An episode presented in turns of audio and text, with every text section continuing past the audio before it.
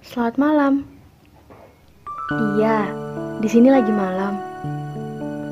Gimana? Baik?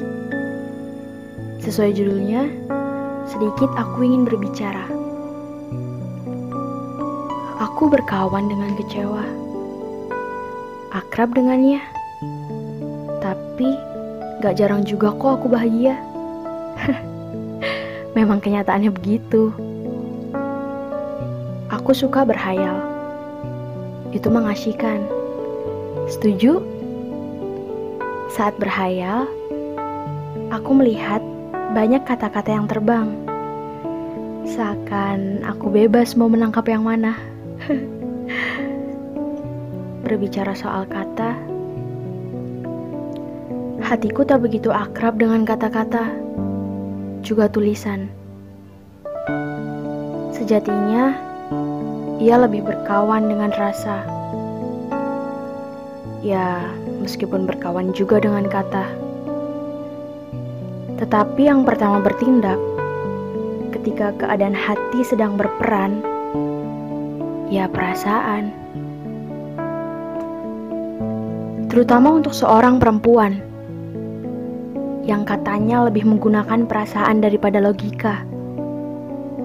Iya, itu benar. Itu sebabnya air mata lebih akrab berkawan dengan perempuan. Aku tipikal orang yang sangat perasa. Ada yang sama? Gimana rasanya? orang perasa itu kadang banyak yang bilang lebay, terlalu lemah, sensitif, baperan, dan semacamnya deh. Aku sendiri tipikal yang gak bisa berada di bawah tekanan. Apalagi mendengar suara bentakan laki-laki. Langsung deh perasaan diungkap dengan air mata. Kenyataannya,